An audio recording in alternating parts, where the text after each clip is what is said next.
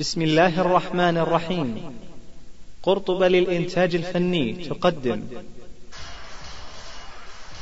العرب حسب ونسب.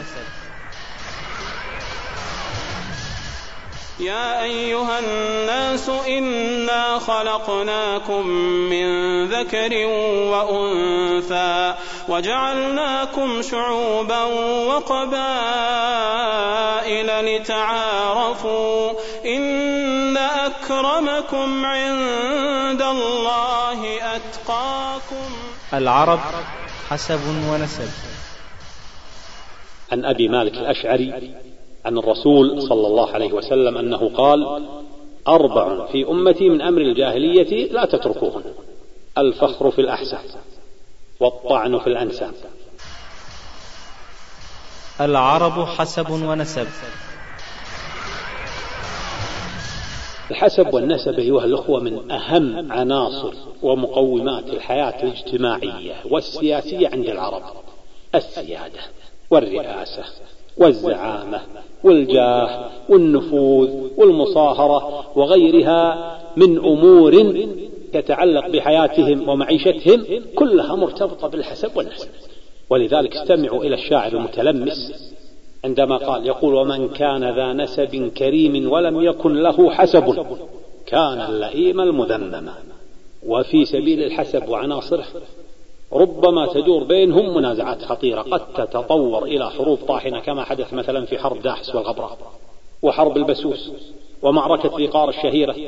هذه كلها راح نفصل لكم إن شاء الله فيها.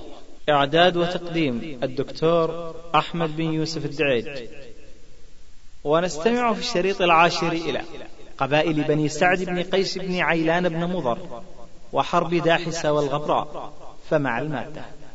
بسم الله والحمد لله والصلاة والسلام على رسول الله وبعد.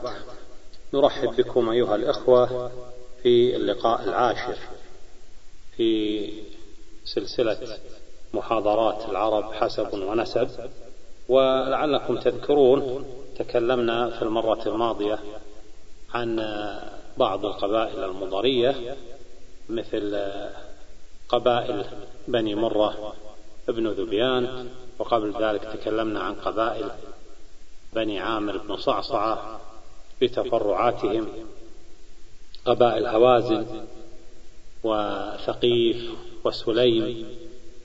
وقلت لكم أنني بإذن الله سوف نتكلم عن قبيلتي بني فزارة بن ذبيان وبني عبس. بنو فزارة من قبائل العرب الشهيرة ولد لفزارة بن ذبيان عدي. أمه نضيرة بن جشم بن معاوية بن بكر بن هوازن وولد له أيضا مازن وشمخ وظالم ومرة ورومي. ولكن روميا درج انقطع عقبه لا عقب له. أمهم هؤلاء كلهم منولة بن جشم بن بكر بن حبيب بن عمرو بن غن بن تغلب. بها يعرفون فلذلك هم بنو منولة عدي بن فزارة ولد له ثعلبة وسعد وربيعة وهم بنو عتمة وولد له شكم بن عدي سعد بن عدي ولد له مالك وهو حممة أمه العشواء بنت بهثة بن غني بن أعصر وولد له حرام بن سعد أمه رقاش بنت دارم بن مالك بن حنظلة رقاش بنت دارم بن مالك بن حنظلة تميمية وولد له مالك بن سعد وولد له أيضا بغيض وعيال وسود وعمر أمهم العشواء بنت يربوع بن غيض بن مرة. بغيض بن مالك بن سعد كان من سادات العرب في الجاهلية ساد قبائل قيس في الجاهلية ومن بني حرام ابن سعد بن عدي بن فزارة حصن بن جندب بن خنيس بن حرج بن حرام بن سعد. كان سيد أهل البادية في زمانه وكان معاصرا للخليفة الأموي عبد الملك بن مروان. ثعلب بن عدي بن فزارة ولد له لوذان وولد للوذان جوية وزنيم وأسعد وخزامة. ومن خزامة عدي بن أرطات من رجال الدولة الأموية. قتل في السنة الثانية بعد مئة الهجرة قتله معاوية بن يزيد بن المهلب في إحدى الفتن التي دارت في الدولة الأموية. جوية ولد له عمرو وعميرة وعامر وعبد. عمرو بن جوية ولد له بدر وجساس وولد لبدر حذيفة الذي يلقبه العرب برب معد. وولد له أيضا عوف حذيفة وعوف ابن بدر أمهما بنت نضلة بن جوية بن لوذان بن عدي بن فزارة.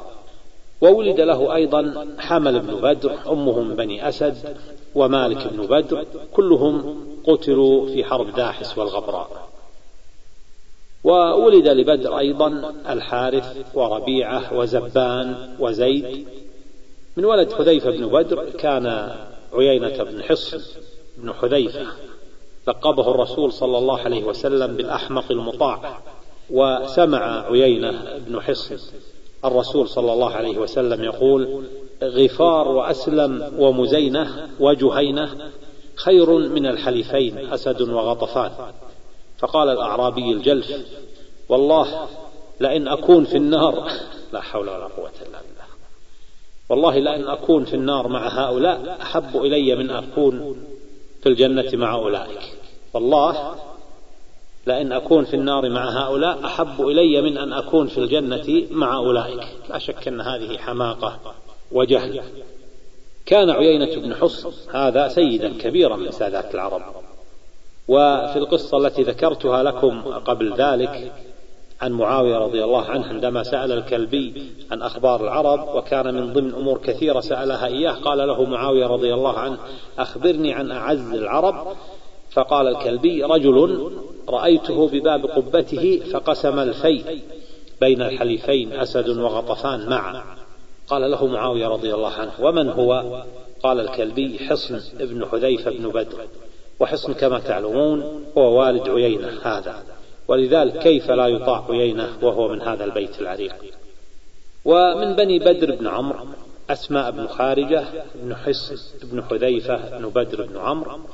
كان من سادات العرب في الإسلام. توفي في السنة السادسة والستين للهجرة.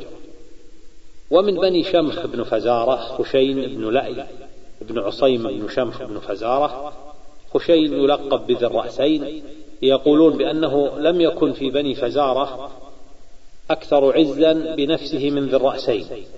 ومن ولد ذي الرأسين برز حفيده عمرو بن جابر بن خشين كان يأخذ من فداء كل أسير أسرته غطفان. آه الأسير طبعا يطلق سراحة بفداء يكون في الغالب من الإبل فكان هذا يعني له من فداء كل أسير بكرتان من الإبل. ومن ولده مالك بن حمار بن حزم بن عمرو بن جابر كان شريفا وقد كان رئيسا في قومه وكان أبوه وجده كذلك. برز من هذا البيت الشريف الصحابي الجليل سمرة بن جندب بن هلال بن حريج بن مرة بن حزم بن عمرو بن جابر رضي الله عنه. من أصحاب بيعة الرضوان توفي يرحمه الله في السنة الستين من الهجرة. وكان مالك بن حمار بن حزم قد أبلى بلاء حسن في يوم شعب جبلة ولكنه قتل بعد ذلك قتله خفاف بن ندبة السلمي الذي أصبح بعد ذلك صحابيا جليلا رضي الله عنه رضي الله عن خفاف. نعم إذا تلاحظون هذا يعني بني فزارة الحقيقة كلها سادة وفرسان وهي لا شك من أشرف قبائل العرب قبائل مضر بالذات. ومن سادات بني مازن ابن فزارة رجل لقبه العشراء لقب به لكبر بطنه لقب بالعشراء لكبر بطنه. اسمه عمرو بن جابر بن عقيل بن هلال بن سمي بن مازن بن فزارة. أما أخوه فيلقبونه الخلفة والخلفة هذه من النياق بطنها ليس بعظم بطن العشراء. والعشراء أو العشرة بلهجتنا هي الناقة التي مضى على حملها عشرة أشهر. أما الخلفة فهي التي مضى على ولادتها سنة. ثم بعد ذلك نزع عليها الفحل فلقحت. وهذا يرينا مدى تأثر العرب ببيئتهم المحيطة بهم. وذلك ينعكس بالطبع على أسمائهم. والعشراء والخلفة كما قلنا العشرة والخلفة هي من أسماء الإبل في وقتنا الحاضر. نريد الآن أن نتكلم عن قبيلة من القبائل المضرية القوية والشهيرة قبيلة بني عبس. وبنو عبس من جمرات العرب. ولد لعبس بن بغيض قطيعة وورقة. وولد لقطيعة الحارث وغالب ومعتم. وولد للحارث بن قطيعة مازن وزبينة وعامر. وشداد وذكوان وجروة. جروة هو اليمان. سمي اليمان لأنه كان قد أصاب دما في قومه فهرب إلى يثرب المدينة المنورة. فحالف بني عبد الأشهل من الأوس والأوس من اليمانية كما تعرفون ولذلك عرف باليمان. واليمان من أجداد الصحابي الجليل حذيفة بن اليمان رضي الله عنه وحذيفة بن اليمان هو صاحب سر رسول الله صلى الله عليه وسلم في المنافقين هو صاحب سر الرسول عليه السلام في المنافقين لا يعرفه من الصحابة رضوان الله عليهم إلا حذيفة. أخبره عنهم الرسول صلى الله عليه وسلم. قاتل حذيفة بن اليمان رضي الله عنه في أحد وفي فتوحات فارس آه، توفي رحمه الله في السنة السادسة والثلاثين من الهجرة. وحذيفة هو ابن حسين ابن جابر ابن ربيعة ابن عمرو ابن جروة ابن الحارث ابن قطيعة ابن عبس. آه لمازن بن الحارث بن قطيعة بن عبس ولد ربيعة وبجالة ويربوع وقمير وولد لربيعة بن مازن رواحة وعبيد ورياح وروح وولد لرواحة بن ربيعة بن مازن جذيمة وخلف وعمر وعوير عوير هو عمير. وولد لجذيمة بن رواحة زهير بن جذيمة الذي اجتمعت عليه غطفان كان سيدا على جميع قبائل غطفان. وولد لجذيمة بن رواحة أيضا أسيد وحذيا وقيس وزنباع أبناء جذيمة. أما زهير بن جذيمة فولد له قيس بن زهير وهو من دهاة العرب. هذا قيس هو من دهاة العرب وساداتها. ساد بني عبس وأيضا ولد لزهير الحارث وورقاء وشاس ومالك وعوف وخداش وحصين وعمر. أمهم تماضر بنت الشريد السلمي والشريد هو عمرو بن رياح ابن يقظة بن عصية ابن خفاف بن امرؤ القيس بن بهث بن سليم وهو خلاف الشريد والد الخنساء. فوالد الخنساء الملقب بالشريد هو عمرو بن الحارث بن الشريد ابن رياح. ومن بني زهير ابن جذيمة خليد ابن جز أو جز ابن الحارث بن زهير. خليد ابن جز أو جز ابن الحارث بن زهير وهو جد الخليفتين الأمويين السادس الوليد والسابع سليمان ابن عبد الملك بن مروان. ويقال بأن أمهما هي ولادة بنت العباس بن جز بن الحارث بن زهير. على كل حال هي حفيدة لجز بن الحارث بن زهير. ومنهم مروان بن زنباع بن جذيمة الذي يعرف بمروان القرض يعرف بمروان القرض عرف بذلك لأنه كان يغير على قوم يسكنون في أراضي نباتها القرض. والقرض شجر ضخم تستخدم أوراقه في دباغة الجلود ينبت كثيرا في بلاد اليمن. وكذلك كان ابنه مالك بن مروان كان من السادات. برز من بني عبس الفارس الأسود. الشهير والشاعر الكبير أحد شعراء المعلقات عنتر بن شداد بن معاوية بن قراد بن مخزوم بن مالك بن غالب بن قطيعة بن عبس. ومن بني عبس الشاعر الهجاء الشهير الحطيئة وهو جرول بن أوس بن مالك بن جوية بن مخزوم بن مالك. ومن بني عبس بنو زياد الذين يعرفون بالكمل والكمل جمع للكامل منهم الربيع بن زياد بن سفيان بن عبد الله بن ناشب بن هدم بن عوذ بن غالب بن قطيعة بن عبس وأخوه عمارة الملقب بالوهاب لكرمه وأخوه أنس المعروف بأنس الخيل وأخوهم قيس المعروف بقيس الحفاظ. والحفاظ هو الرجل ذو الأنفة الذي يذب عن محارمه. وأم بنو زياد هي فاطمة بنت الخرشب الأنمارية. والخرشب هو عمرو بن نصر بن جارية بن طريف بن أنمار بن بغيض بن ريث بن غطفان.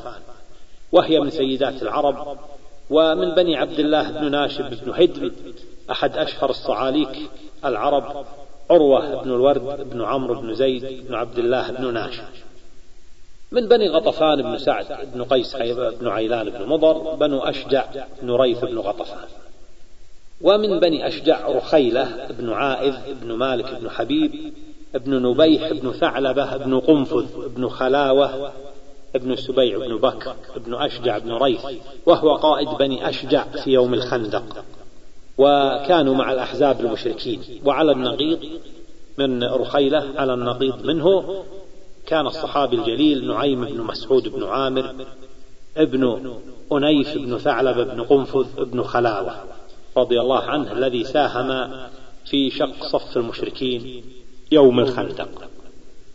أيضا تكلمنا عن بني عبد العزى بن غطفان قلنا أنهم لما وفدوا على الرسول صلى الله عليه وسلم ليبايعوه على الإسلام سألهم عن نسبهم فانتسبوا له.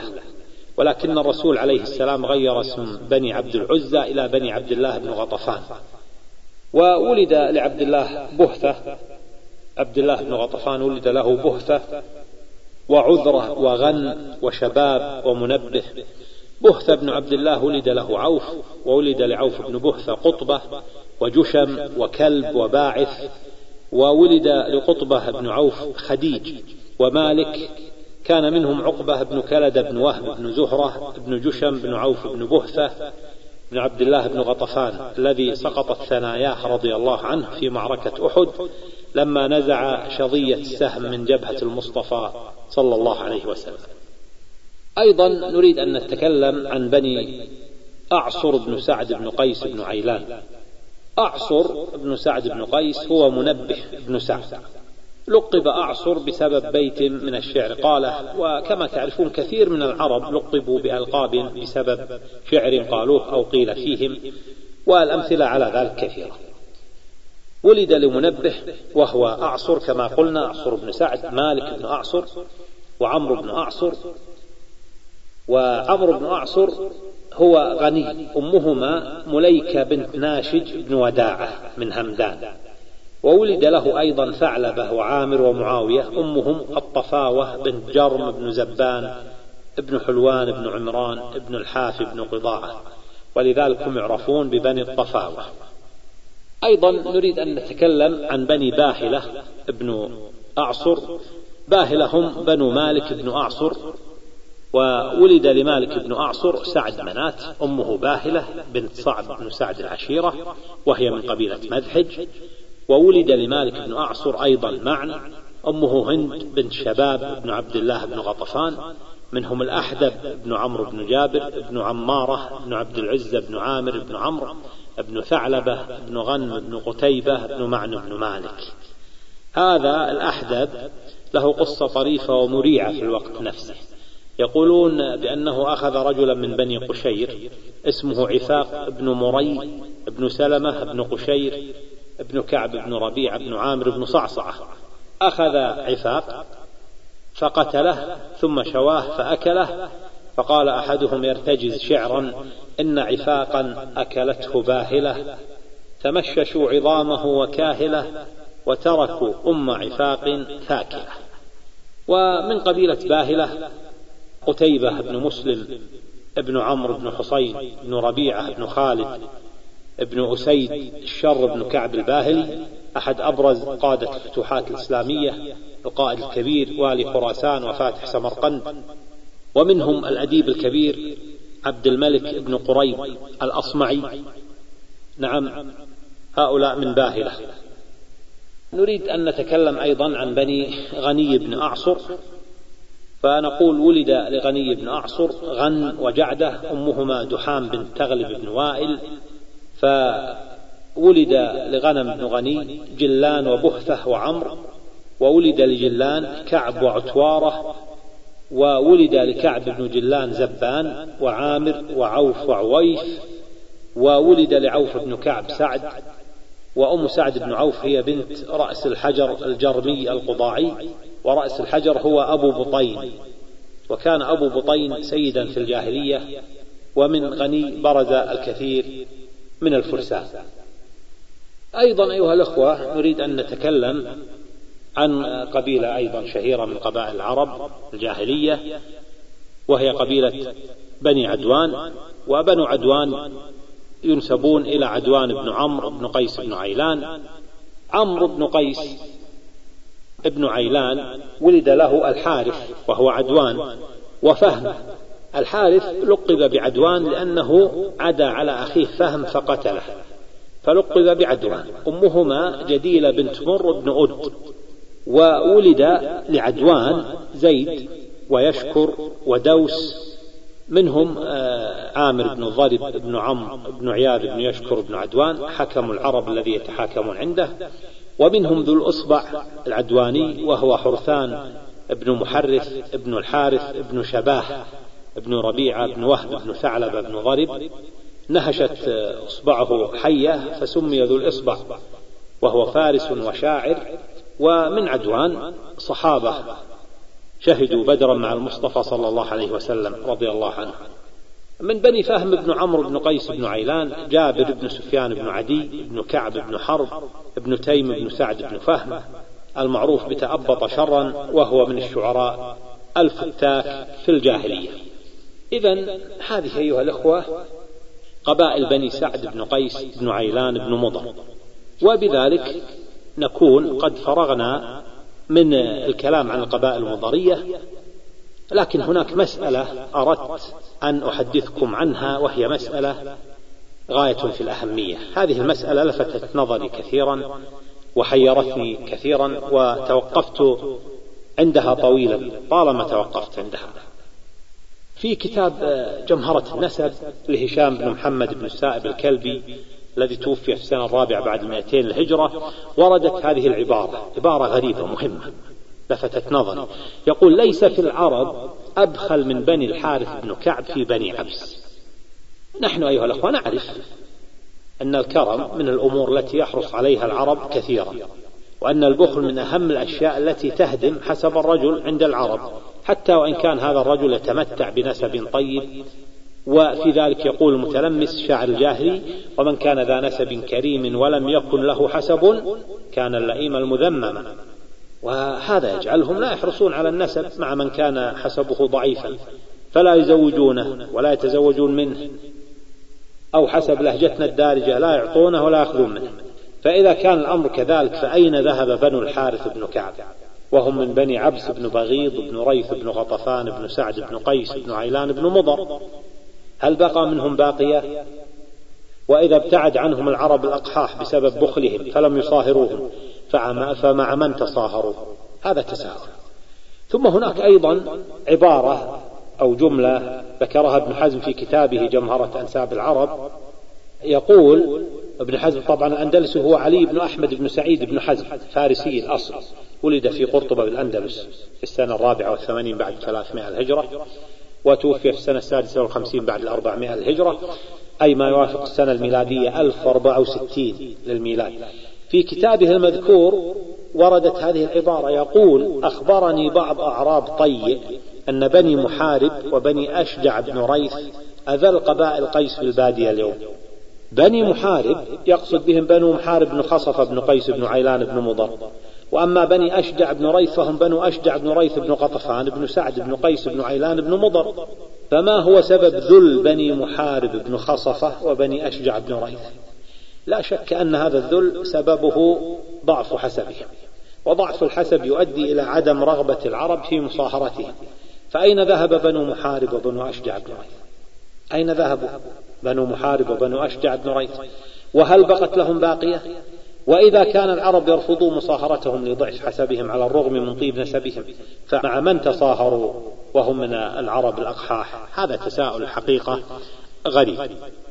نريد الآن أيها الإخوة أن نكلمكم عن حادثة شهيرة حرب شهيرة من حروب العرب استمرت لمدة أربعين عاما وهي حرب داحس والغبراء. هذه الحرب سميت باسم حصان وفرس داحس اسم لحصان هذا الحصان أمه فرس اسمها جلوى. كانت لرجل من بني تميم اسمه قرواش بن عوف من بني ثعلب بن يربوع. وأبوه داحس حصان اسمه ذو العقال. كان لرجل من بني رياح بن يربوع اسمه حوط بن أبي جابر. تميمي أيضا. كان بنو يربوع يسيرون طلبا للمرعى ومعهم ذو العقال يسير مع ابنتين لحوط بن أبي جابر ولم يكن أبوهما موجودا في الحي. فلما مرت جلوى بالحصان لحقها لحق الحصان بالفرس واستحت البنتان. آه، فتركته حصان وجاء إلى الفرس والبنات شو سووا فأتى الحصان الفرس وصادف ذلك وقت استعدادها للحمل فلقحت بأمر الله ثم بعد ذلك أحضره لهما بعض بني يربوع لما عاد أبوهما من مكانه الذي كان به ونظر إلى عين الحصان قال والله لقد نزى فرسي والعرب تطلق كلمة الفرس على الذكر والأنثى. فقال لبنتيه فأخبراني ما الأمر. فلما أخبرته بالأمر صاح يا لا رياح انتخب لا والله لا أرضى حتى آخذ ماء فرسي فقال له بنو ثعلبة والله ما استكرهنا فرسك إنما كان منفلتا خشية طبعا من أن يتفاقم الشر بين بني العم. قال بنو ثعلبة ابن يربوع لبني رياح بن يربوع دونكم الفرس خذوا ماء فرسكم. فقام حوط بن أبي جابر ووضع يده في ماء وتراب ثم أدخل يده في رحم الفرس ودحسها والدحس في اللغة هو إدخال اليد بين الجلد واللحم لكي يسلخ الجزار الصوف عن اللحم أو الشعر عن اللحم.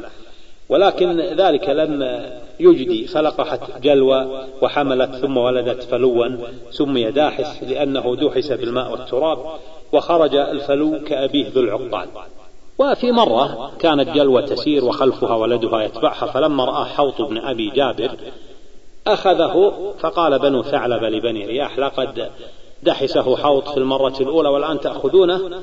فقالوا لهم هو لنا وإلا فالقتال بيننا وبينه. قال لهم بنو ثعلب أنتم أعز علينا من أن نقاتلكم من أجل الفرس. فأعطوهم إياه. ولكن لما ثاب بنو رياح إلى رشدهم قالوا لقد حلم بنو عمنا مرتين مع ظلمنا لهم وكانوا كرماء معنا. فأعادوا إليهم داحس الصغير مع ناقتين ترضية لهم. ولما كبر داحس صار من أكرم الخيل وأجودها. وفي مرة كان بنو يربوع في بعض شأنهم ولم يكن في الحي الكثير من الرجال وصادف ذلك غارة لبني عبس يقودها قيس بن زهير شن القارة على بني يربوع ووقعت في يده ابنتي قرواش بن عوف وماء من إبله ولم يكن في الحي من الرجال إلا غلامين من بني أزنم بن عبيد بن ثعلب بن يربوع. وكان داحسا مقيدا بقيد من حديد حتى لا يبعد عن الحي. فقام الغلامين بانتقائه وهو مقيد ولكن هذا الحصان الجبار ضبر بهما ضبرا والضبر هو القفز ويداه مجموعتان إلى القيد حتى فر من مطارديهم ثم صاحت عليهم ابنتا قرواش تعلمانهم بمكان دفن مفتاح القيد فسبقوا القوم إلى المفتاح وفكوا القيد وما استطاعوا أن يلحقوا بهم.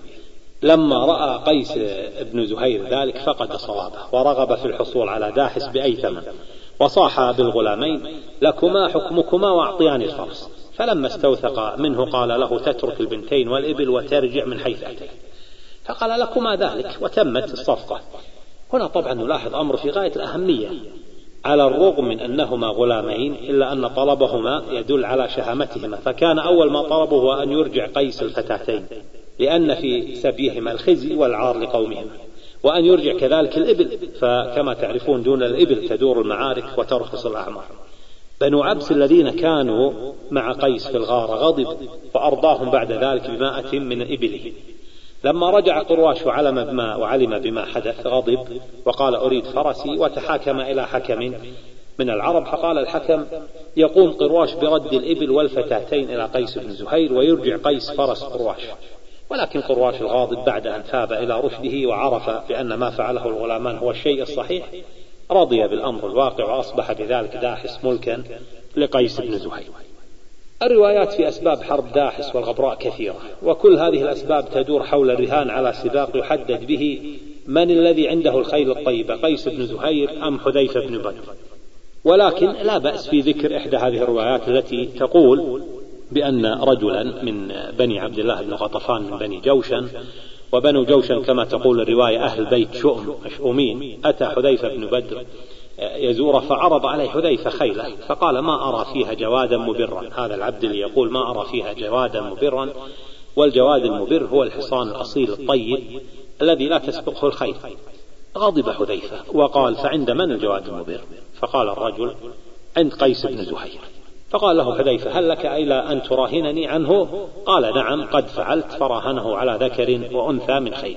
هذا الرجل العبد اللي بعد ذلك أتى قيس بن زهير وأخبره بأنه قد راهن على خير. فقال قيس بن زهير له لا أبالي من راهنت غير حذيفة. فقال ما راهنت غيره.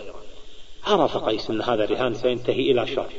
فذهب إلى حذيفة ليبطل الرهان ولكن حذيفة أصر على الرهان. حذيفة بن بدر أصر على الرهان. فقال له قيس الداهية أخيرك بثلاث خصال. فإن بدأت أنت فلي الثانية والثالثة وإن بدأت أنا فلي الأولى ولك الخلتان قال له حذيفة فابدأ أنت. فقال له قيس ألغاية من ماءة غلوة. قال حذيفة فالمضمار أربعون ليلة والمجرى من ذات الإصاد.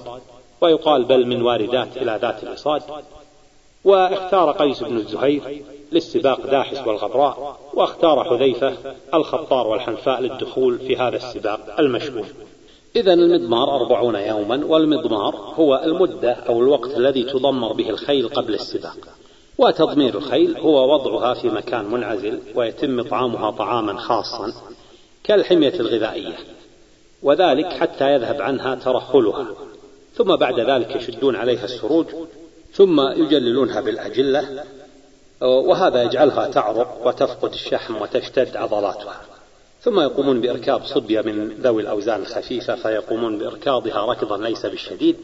هذا كله يسمى المضمار. أما الغلوة فهي عشر الميل أو المدى الذي تصل إليه رمية السهم.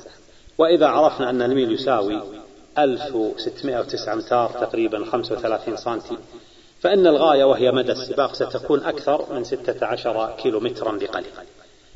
واردات وذات الأصاد هذه مواضع بينهما ثنية والثنية مثل الربو أو المرتفع. وجعلوا قصبة السبق عند رجل اسمه حسين من بني ثعلبة بن سعد بن ذبيان وقالوا بل هو من بني العشراء من بني فزارة أخواله من بني عبس. وكانت جائزة الفائز بالسباق عشرون من الإبل وقصبة السبق هي قصبة من خشب من القصب يأخذها من يصل أولا قبل جميع المتسابقين. حذيفة بن بدر هنا عزم على الغدر فأكمن عند الثنية رجلا من بني أسد وبنو أسد حلفاء لبني ذبيان وأمره بأن يعترض خيل قيس إذا أتت سابقة وانطلقت الخيل الأصيلة وفي بداية الأمر سبقت خيل حذيفة ولكن داحسا ومن ورائه الغبراء سبق خيل حذيفة. فقام الأسدي باعتراض داحس وأمسكه ولم يعرف الغبراء فتركها تكمل السباق. فلما بعدت الخيل خلف الثنية أطلق الأسد داحسا فانطلق هذا الحصان الجبار ينهب الأرض نهبا حتى سبق خيل حذيفة. ولو طال المدى لسبق الغبراء التي وصلت إلى بركة الماء والبركة هي نهاية السباق. لما وصلت الغبراء للماء قام رجل من بني فزار اسمه عمير بن نضلة باعتراض الغبراء ولطمها على وجهها وأبعدها عن الماء ثم صنعوا الشيء نفسه مع داحس فلطموا لما وصل قيس بن زهير وحذيفة بن بدر كان الناس في اضطراب شديد وكان بنو عبس المتواجدون في المكان قلة قياسا ببني فزارة المتواجدون معهم. ولو كان عددهم كافيا لاشتعل القتال بينهم. قال قيس بن زهير يا بني فزارة إن الظلم عاقبته وخيمة فأعطونا سبقنا وجائزة السباق كما تعرفون هي عشرون من الإبل. فأبوا أن يعطوهم قالوا فأعطونا بعض سبقنا. فرفض الفزاريون أيضا فقال لهم العبسيون فأعطونا جزورا واحدة. ننحرها لأهل الماء. فرد عليهم أحد الفزاريين قائلا ماءة جزور وجزور واحدة. بمعنى إن أعطيناكم أي شيء فهذا إقرار منا بالهزيمة. أحد بني مازن بن فزارة قال لقد كان قيسا كارها لأول هذا الرهان وقد أحسن في آخره. وإن الظلم لا ينتهي إلا إلى شر. فأعطوه جزورا من نعمكم. ولكنهم رفضوا فقام إلى جزور من إبله فعقلها ليعطيها قيسا آه، ليكف الشر. ولكن ابنه قام وقال إنك لكثير الخطأ. أتريد أن تخالف قومك وتلحق بهم خزاية بما ليس عليهم. ثم قام وفك عقالها فعادت الناقة إلى الإبل. لما رأى قيس ذلك ارتحل ومن معه من بني عبس إلى ديارهم وتحينوا الفرصة. وشنوا غارة على بني فزارة فلقي عوف بن بدر قيس لما شن القارة لقي عوف بن بدر فقتله وأخذ إبله وعوف هو شقيق الحذيفة بن بدر أمهما هي بنت نضلة بن جوية بن لوذان بن عدي بن فزارة أمهم فزارية. أرادت بنو فزارة أن تقاتل بني عبس ولكن الربيع بن زياد العبسي الملقب بالكامل تكفل بدية عوف بن بدر وكانت الدية مائة عشراء مطلية والعشراء المطلية هي النوق الحوامل التي ولد بعضها وستتلوها الأخرى في وضع حملها. وكان الربيع بن زياد مغاضبا ومخاصما لقيس بن زهير بسبب خلاف بينهما. ولذلك كان مقيما في بني فزارة وهم أنسباء. وزوجة الربيع هي معاذة بنت بدر بن عمرو أخت حذيفة. تم الصلح ولكن على دخن إذ تمكن بنو فزارة بأمر من حذيفة بن بدر من الترصد لمالك بن زهير الذي كان للتو قد تزوج امرأة من بني غراب بن فزارة كان نازلا فيهم على الرغم من تحذير أخوه قيس له فعرف حذيفة بالأمر وأرسل أخاه حمل بن بدر في جماعة من الخيل وتمكنوا من قتله وأخذ حمل ذنون سيف مالك بن زهير. الربيع بن زياد كان جالسا مع حذيفة فلما بلغه مقتل مالك بن زهير قال بئس لعمر الله القتيل قتلته أما والله لأظنه سيبلغ ما نكره. ثم قام وذهب إلى منزله فأرسل حذيفة بن بدر وراءه أمة له ترصد له ما يفعل. فلما ذهب الربيع إلى بيته بيت الشعر توجه إلى فرسه وكان مربوطا وقبض الربيع على معرفة الفرس والمعرفة هي شعر الرقبة ثم مسح بيده على متنه ثم توجه إلى فناء البيت. وكان رمحه مركوزا فتناول الرمح ثم هزه هزا شديدا ثم ركزه كما كان ثم طلب من امرأته أن تضع له بساطا على الأرض ثم اضطجع عليه فاقتربت المرأة الحرة الشريفة من بعلها وكانت قد طهرت. فقال لها إليك عني فقد حدث أمر. ثم ارتجل قصيدته الرائعة التي يقول فيها نام الخلي وما أغمض حاري. من سيء النبأ الجليل الساري يبدو هنا أنه يوجه خطابه إلى رجل يعرفه اسمه حارث. نام الخلي وما أغمض حاري من سيء النبأ الجليل الساري من مثله تمسي النساء حواسرا وتقوم معولة مع الأسحار. من كان مسرورا بمقتل مالك فليأت نسوتنا بنصف نهار قد كنا يخبأن الوجوه تسترا فاليوم حين بدونا للنظار. يخمشن حرات الوجوه على امرئ سهل الخليقة طيب الأخبار. أفبعد مقتل مالك بن زهير ترجو النساء عواقب الأطهار؟ ما إن أرى في قتله لذوي الحجى إلا المطي تشد بالأكوار. ومجنبات ما يذقن عذوفة يقذفن بالمهرات والأمهار ومساعرا صدأ الحديد عليهم فكأنما طلي الوجوه بقار المجنبات الخيل يركبون هم وهم لما يركبون على الإبل يجنبون الخيل معهم تصير مجنبة حتى ترتاح قبل أن يركبوها لشن الغارة قبل شن الغارة يأخذون الخيل المجنبة ويركبونها ويشنون عليها القارة. في البيت الرابع يقول الربيع النساء بني عبس قد كن يخبأن الوجوه تسترا. وهذا دليل على أن نساء العرب كن يغطين وجوههن ونلاحظ ذلك أيضا في منافرة غالب بن صعصع وسحيم بن وثيل الرياحي. قلنا لما سمعت الخرماء بنت عوف إذا تذكرون امرأة الهذلق بن ربيعة سيد بني أربوع لما سمعت بما يعتزمه قومها من إكفاء لقدور غالب بن صعصعة بادرت من فورها تقنعت بملحفتها وذهبت إلى غالب لتحذره وكذلك لما تكلمنا عن قبائل بكيل الهمدانية تكلمنا عن وفية همدان وهما عمرو وذؤاب ابن سليل بن الأعلم بن الحارث الأرحبي قلنا بأنهما لما سبيا في إحدى الحروب بين همدان ومذحج اثنتي عشرة امرأة حفظاهن عند أخواتهما واجتنب زيارة أخواتهما من أجل السبايا وأحسن إليهن حتى تم السداد ووقع الصلح. فرداهن جميعا كما هن ما كشف لواحدة منهن قناع. ما كشف لواحدة منهن قناع. وهذا دليل آخر على أن العربيات كن يلبسن القناع. المهم بعد مقتل مالك بن زهير اجتمعت بنو عبس فأرسلوا إلى بني فزارة الردوا علينا إبلنا التي وديناها عوف فقال حذيفة بن بدر لا أعطيكم دية ابن أمي. حذيفة بن بدر وشقيقة عوف أمهما بنت نضلة بن جوية من بني فزارة وأما أخوهما حمل بن بدر فأمهم بني أسد. وإنما قتل صاحبكم حمل بن بدر وهو ابن الأسدية فأنتم وهو أعلى ثم أن حذيفة رغب في الصلح وأراد أن يردها ومعها أولادها وكان قد مضى على مقتل عوف أربع سنين وكانت متلية هذه الإبل كما قلنا وفي تلك المدة وضعت مواليدها. لكن سنان بن أبي حارث المري ثم الذبياني الذي قلنا عنه عند الكلام عن نسب بني مرة بن عوف بن سعد بن ذبيان إنه كان كريما وكان حكيما يتحكمون إليه قال لحذيفة أتريد أن تلحق بنا خزايا فتعطيهم أكثر مما أعطونا فتسبنا العرب؟ فأمسكها حذيفة وأبى بنو عبس إلا إبلهم وكان تدخل سنان بن أبي حارثة وبالا على القبيلتين ولذلك قال قيس بن زهير يود سنان لو يحارب قومنا وفي الحرب تفريق الجماعة والأزل. يدب ولا يخفى ليفسد بيننا دبيبا كما دبت إلى جحرها النمل فيبني بغيض.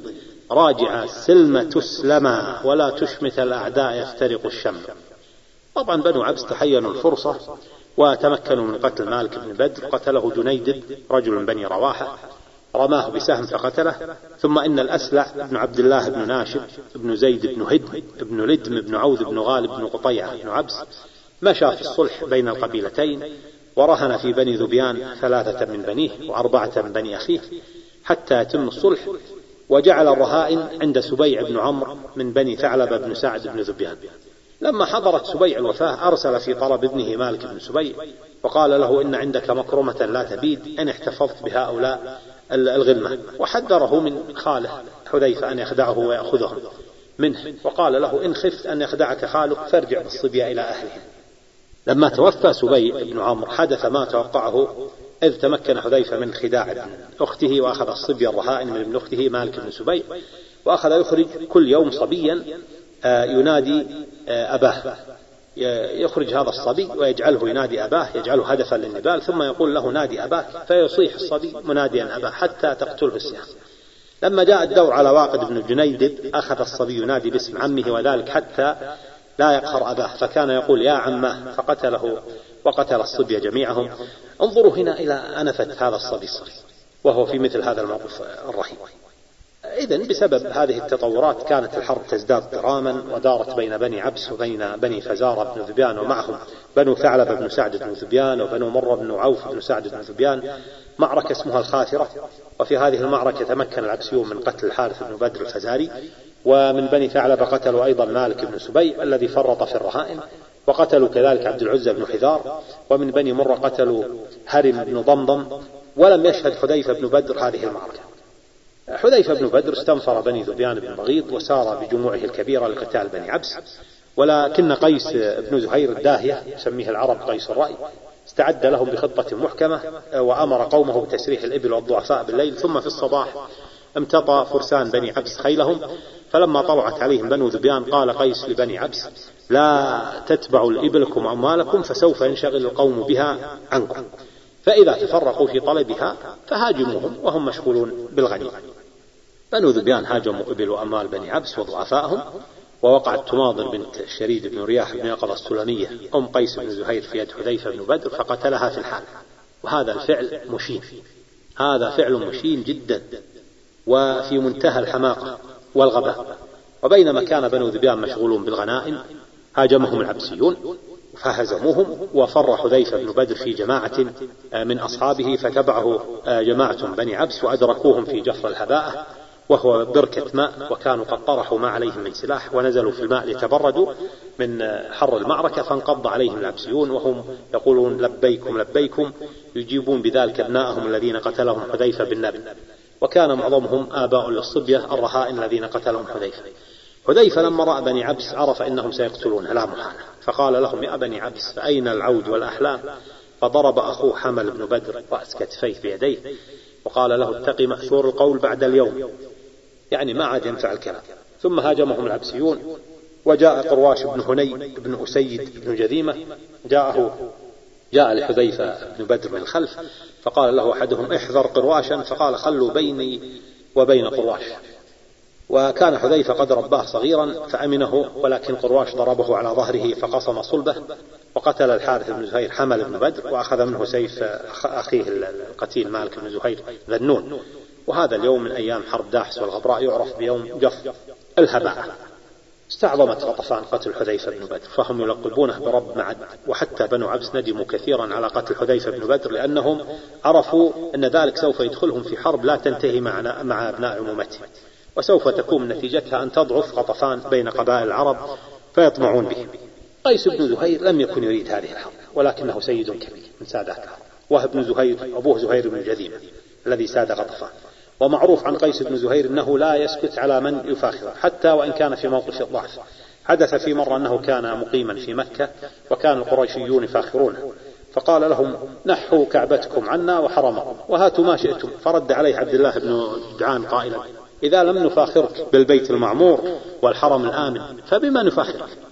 فارتاح عنهم قيس. قيس بن زهير قال عدة قصائد في حرب داحس والغبراء. هذه القصائد تبين موقفه من هذه الحرب التي ابتلي بها. قال في مرة هم فخروا علي بغير فخر وذادوا دون غايته جوادي. كرهنا أن يقر الخسف فينا دفعنا بالمهندة الحداد وكنت إذا منيت بخصم سوء دلفت له بداهية نآدي.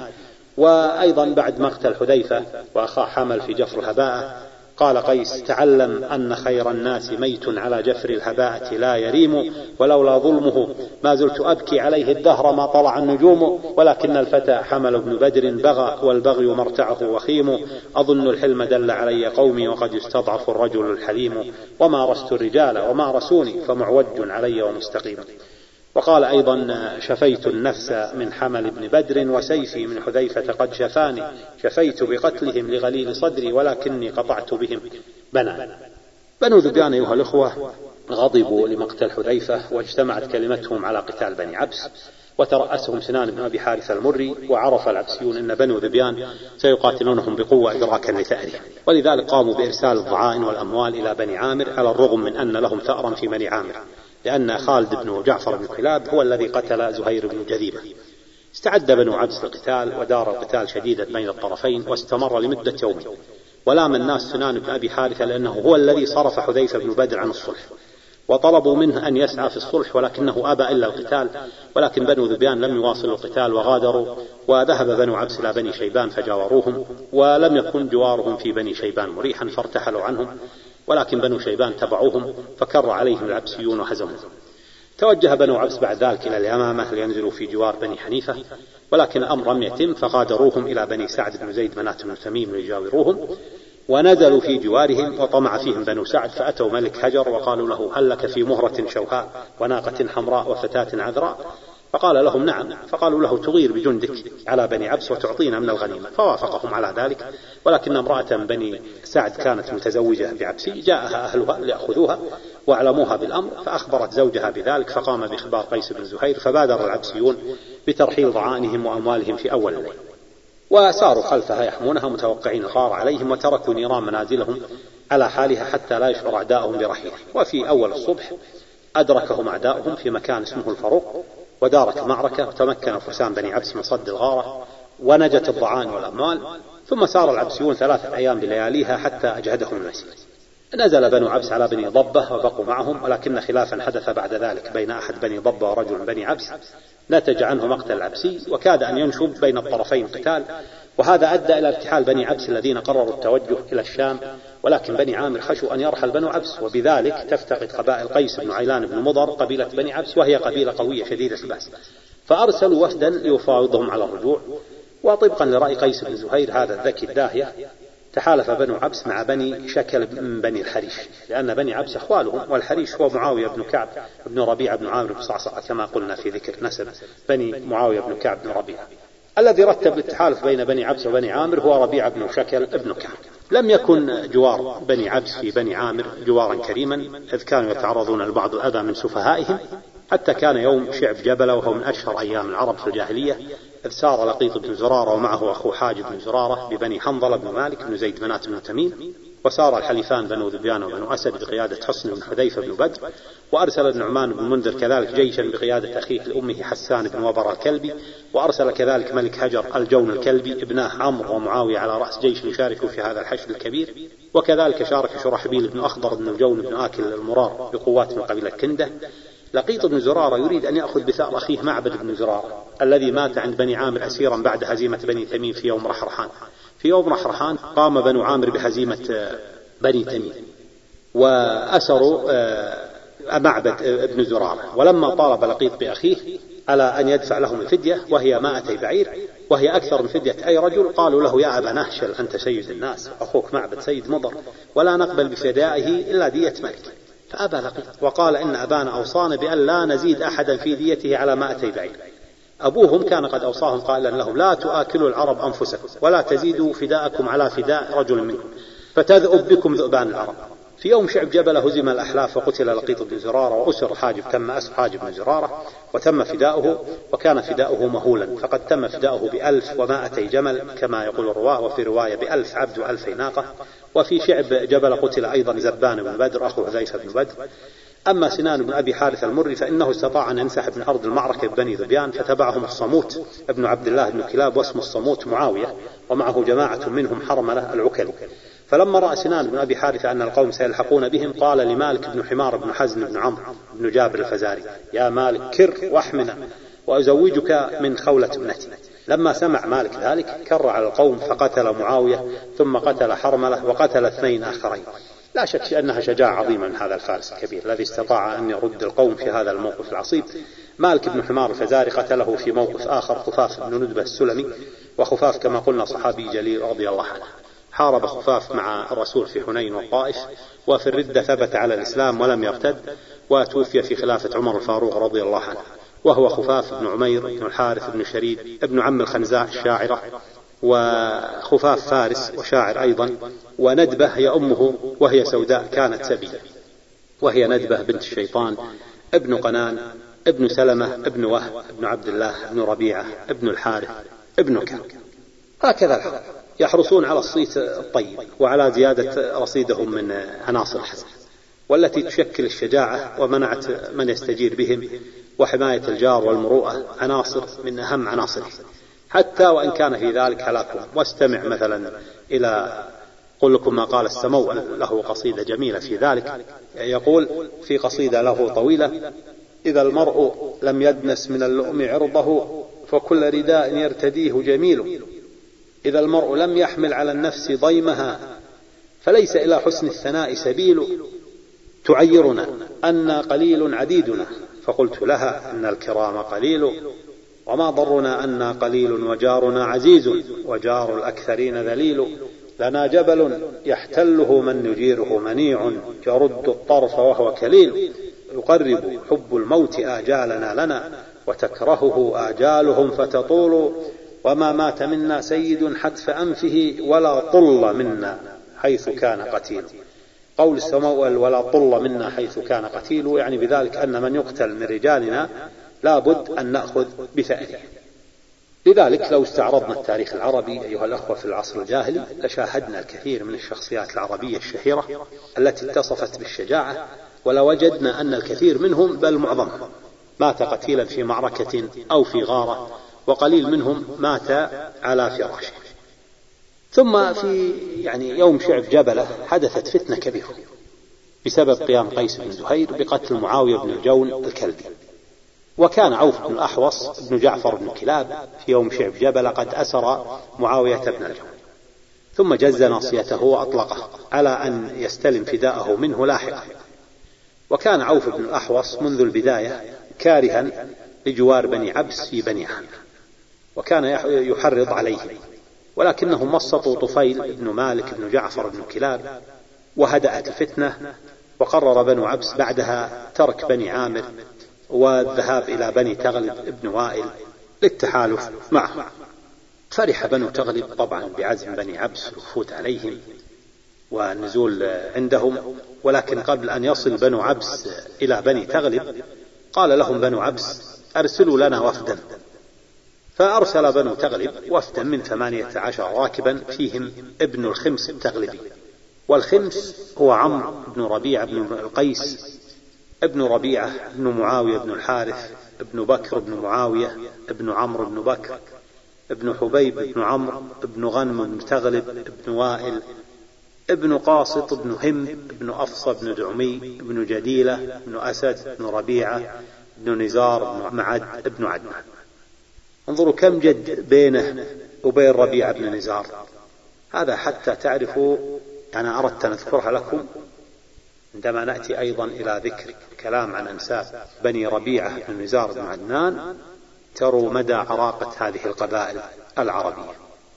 نعم فأتى هذا الوفد المكون من ثمانية عشر راكبا من ضمنهم كان ابن الخمس التغلبي وهذا ابن الخمس التغلبي هو الذي قتل الحارث بن ظالم المري الغطفاني. أمره الملك النعمان المنذر بذلك. لماذا؟ لأن الحارث بن ظالم قد قتل خالد بن جعفر بن كلاب ثأرا لزهير بن جذيمة سيد بني عبس. كما قلنا قتله خالد بن جعفر. خالد قتل زهير بن جذيمة فقام آه، الحارث بن ظالم المري الغطفاني بقتل خالد بن جعفر. أين قتله؟ قتله في ضيافة النعمان. كان ضيفا على النعمان فقام بقتله. فطبعا تطلب النعمان الحارث بن ظالم حتى تمكن منه ابن الخمس التغلبي وقتله. لما وصل وفد بني تغلب إلى قيس بن زهير قال لهم وعلى عادة العرب انتسبوا لنا حتى نعرفكم. فانتسبوا حتى مر بابن الخمس التغلبي فقال أنا ابن الخمس. فقال له قيس انظروا إلى العزة أيها الأخوة رجل مطارد وحرب استمرت قرابة الأربعين عاما وهو بحاجة إلى من يجيره ولكنه لما رأى من قتل الحارث بن ظالم المري والحارث بن ظالم المري من غطفان لما رأى قاتل الغطفاني وقيس هذا من سادة غطفان لما قال له أنا ابن الخمس قال له قيس بن زهير إن زمانا أمنتنا فيه لزمان سوء فرد عليه ابن الخمس وما أخاف منك والله لأنت أذل من قراد تحت منسم بعير. لما سمع منه قيس بن زهير قام بقتله في الحال. ثم طبعا لما قتله خلاص حدث ثأر الآن ما يستطيعون أن ينزلوا عليه. أخذ بثأره ثم أن قيس بن زهير قال يا بني عبس ارجعوا إلى قومكم فهم خير الناس لكم فصالحوه. أما أنا فلا والله لا أجاور غطفانيا أبدا. ويقولون بأن قيس بن زهير ارتحل إلى عمان ومات فيها. عاد بنو عبس طبعا يترأسهم الربيع بن زياد إلى قومهم من غطفان. فلما ذهب الربيع ومعه جماعة من بني عبس إلى بني ذبيان وفدوا على الحارث بن عوف بن أبي حارثة المري الذبياني وفدوا عليه بالليل. وهم لا يعرفونه ولا يعرف سنون طويلة مرت على هذه الحرب الرهيبة. وين يعرف؟ ما حد يعرف الآخر. وكان الحارث عند حصن بن حذيفة فلما عاد من عنده قالوا له هؤلاء أضيافك ينتظرونك. فقال بل أنا ضيفهم ثم حياهم ورحب بهم. ثم قال من القوم؟ فقالوا له إخوانك من بني عبس. وحكوا له ما تعرضوا له من محن وحروب وبلاء وشقاء. يعني تعرضوا للكثير من محن حروب بلاء وشقاء وذل. واعترفوا له بذنبهم في قتلهم من كان بجفر الهباء من سادة فزارة حذيفة بن بدر وأخوته. فقال لهم لما اعترفوا بذنبهم طبعا قال لهم نعم وكرامة لكم أكلم حصن بن حذيفة. يعني هذا أمر عظيم جدا أنه يعني يتوسط. فطبعا قال لهم سوف أكلم لكم حصن بن حذيفة. وعاد الحارث بن عوف إلى حصن بن حذيفة. فقالوا لحصن هذا أبو أسماء. فاستغرب رجوعه وقال ما ورد إلا لأمر. فدخل عليه وأخبره بخبر بني عبد فقال حصن بن حذيفة بن بدر صالحوا قومكم أما أنا فلا أدي ولا أتدي قد قتل آبائي وأعمامي عشرين بني عبس. وأيها الأخوة في نهاية الأمر تم الصلح وتكفل الحارث بن عوف بن أبي حارثة وهرم بن سنان بن أبي حارثة المريان تكفل بديات القتلى على ثلاث سنين وأعانهم حصن بن حذيفة بخمسمائة ناقة هذا أيها الأخوة ملخص يعني يمكن سريع لحرب داحس والغبراء. في حرب داحس والغبراء أيضا لما تقرأ كتب الأدب والتاريخ تجد روايات عديدة ويعني متقاربة ولكن تختلف قليلا فيما بينها وأيضا بها تفصيلات كثيرة. ولكن يعني اخترت لكم هذا الموجز وفي النهاية أقول لكم جزاكم الله خير على حسن استماعكم. هذه الحلقة العاشرة وهذا اللقاء العاشر كان به الكثير من الأحداث وإن شاء الله نلتقي بكم بإذن الله تعالى في اللقاء الحادي عشر في أمسية نتكلم بها عن الأنساب وبها أمور تاريخية وأدبية نواصل الكلام في سلسلة العرب حسب ونسب وسوف يكون كلامنا بإذن الله تعالى إن شاء الله في الحلقة القادمة عن آخر يمكن مجموعة من مجموعات العرب الكبرى وهي قبائل ربيعة بن نزار.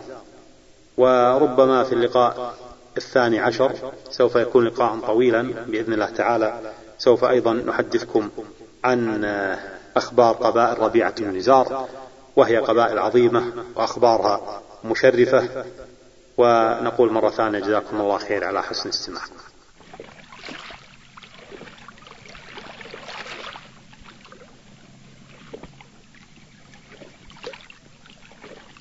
وفي الختام نرجو منكم الاستماع إلى بقية المادة علما أن جميع الحقوق محفوظة. مع تحيات قرطبة للإنتاج الفني. هاتف أربعة سبعة تسعة واحد ثلاثة اثنان ثلاثة. فاكس أربعة سبعة ثلاثة صفر صفر خمسة خمسة والسلام عليكم ورحمة الله وبركاته